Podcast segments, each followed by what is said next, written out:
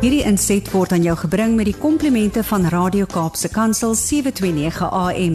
Besoek ons gerus by www.cape pulpit.co.za. It's Radio K Pulpit, your daily companion, and we get to go hang out with Zanti Swanepoel. Yeah, we're all excited. Zanti, Zanti, was jy? Hello. Môre Brad en môre aan die luisteraars. What a privilege it is to have been able to get up this morning, Yeah. Show up this morning, and carpe diem, grab the day, because right. that is actually all we have. Yesterday is gone, tomorrow is just a promise. Me and you have what we have now, and may we use that for God's glory and to build His kingdom. Wow, you could say amen after that. That's a big that's a that's a good one for just this morning, but we're so glad there's more. Absolutely. Ag, weet jy Brad, ek um, ja, what what a year it has been for some it's been absolutely amazing. Mhm. Others have had not that great year and Yeah. others are just indifferent about the year so far. so I think um what's so amazing is that every day we get to choose. Yeah. We get to choose how our day is going to be. And I think that the day you, you experience that or that reality becomes your truth, that day is liberating because you are not governed and ja, jy word nie beheer deur jou omstandighede nie. Mm. Um because you can choose what your day looks like and plays out like. If you have a mentality that um I always say your attitude will always determine your altitude That's right. and that is a choice. And this morning, I want to, yeah, just just give our listeners some. It's just a journey that that I've been on this last week with the Lord. En julle ken vir my, dis God of gat elke oggend. Mhm. So I choose to live above and focus on the things above because they are in any case much more greater than the things around us and more real than the Ja. things around us. Maar vanoggend wil ek bietjie met jou praat oor jou persepsie ten opsigte van van God vir ons. You see, there are so many times that we I don't want to work, use the word judge God because we can't do that. But we think that God's reaction to us and to our situations and to our challenges are in the same league as humans. Uh-huh. So we think that God will react to us in the same way that our friends, family, colleagues, and civil society does. And that couldn't be further from the truth. And it's that paradigm shift, Hmm. that that perspective that I want to bring to you this morning through a story because you know how that works. I just learned through stories. And again, Lord just brought a story to me to explain also this concept to me. And before I, I'm going to share the story with you that is really life changing, um, I want to start with word because we base everything on word, and word is our food. And sometimes when we don't make it through a day or the day owns us, it's because we haven't eaten that morning. If you haven't eaten breakfast and you haven't eaten lunch, you are going to be so fatigued by the time you get five o'clock. Yeah. And we don't understand that spiritually it works the same.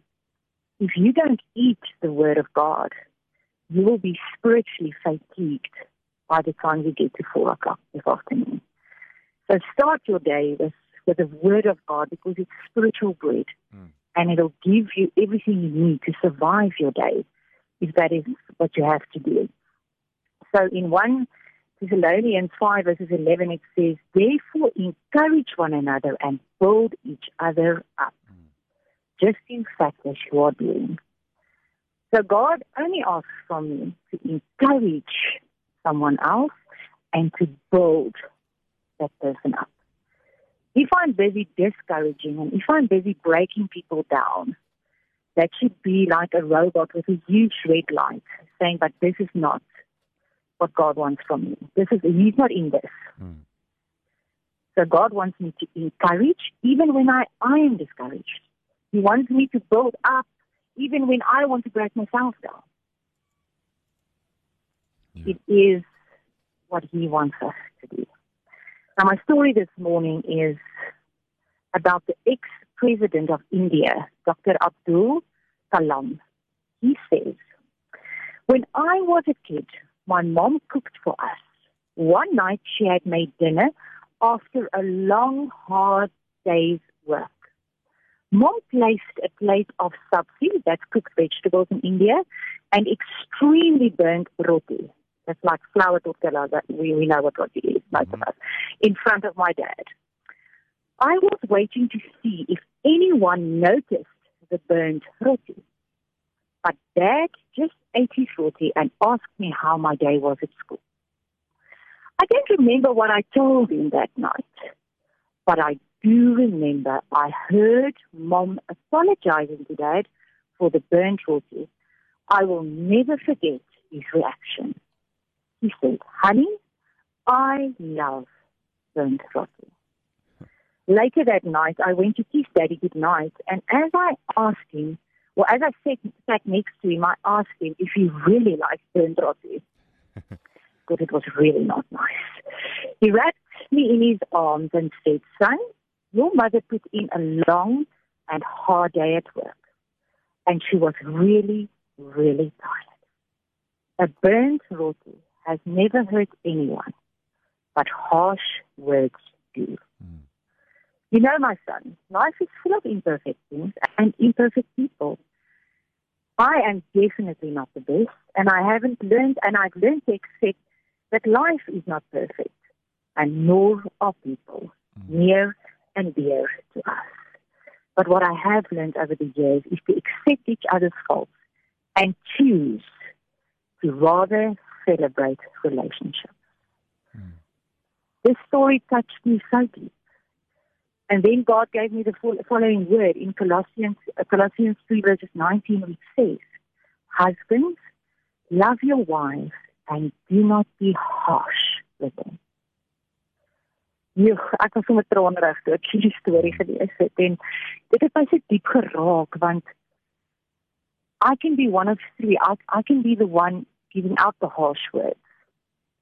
I can be the one receiving the harsh words. But I think that the, the metaphor and what God broke open to me in this amazing story of how we react to life is that I just saw this picture of me sometimes being tired, being exhausted. Maybe you can identify with this this morning, listener. Maybe you are also sometimes emotionally, spiritually, physically just drained, mm. just fatigued. And then the little time you spend with God, it is like we serve Him burnt roti. And then we expect Him to treat us harshly. But I want to say to you this morning, it doesn't matter how burnt that roti is, that you might feel you serve God with. He loves burnt roti. He will never treat you harsh because we are treated harsh by humans that are imperfect and make mistakes. We should never put God in that category the fact that you gave him roti, burnt or not, metaphorically, mm. is good enough. He loves us. May you make that your slogan this year, that when you feel that what you give God is not enough, that you hear him say out of heaven, I love burnt roti because I love you. Mm. And may we also treat our fellow human beings. God said, Love me with everything you have and love each other. And may we also not be harsh, but honor and respect and celebrate relationships more than anything else. Amen. Amen. That's the voice of Zantie Swanepoel. Bye, donkey Zantie.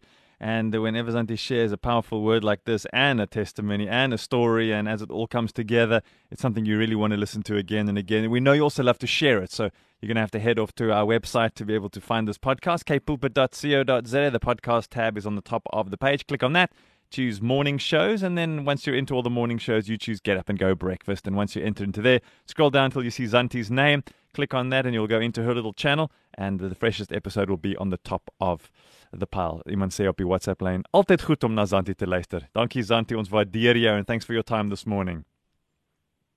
Pleasure, guys, and have a wonderful day. Ah, we Use will. Opportunities that come your way. Amen. Bye. Dankie Zantie. Bye. Hierdie inset was aan jou gebring met die komplimente van Radio Kaapse Kansel 729 AM.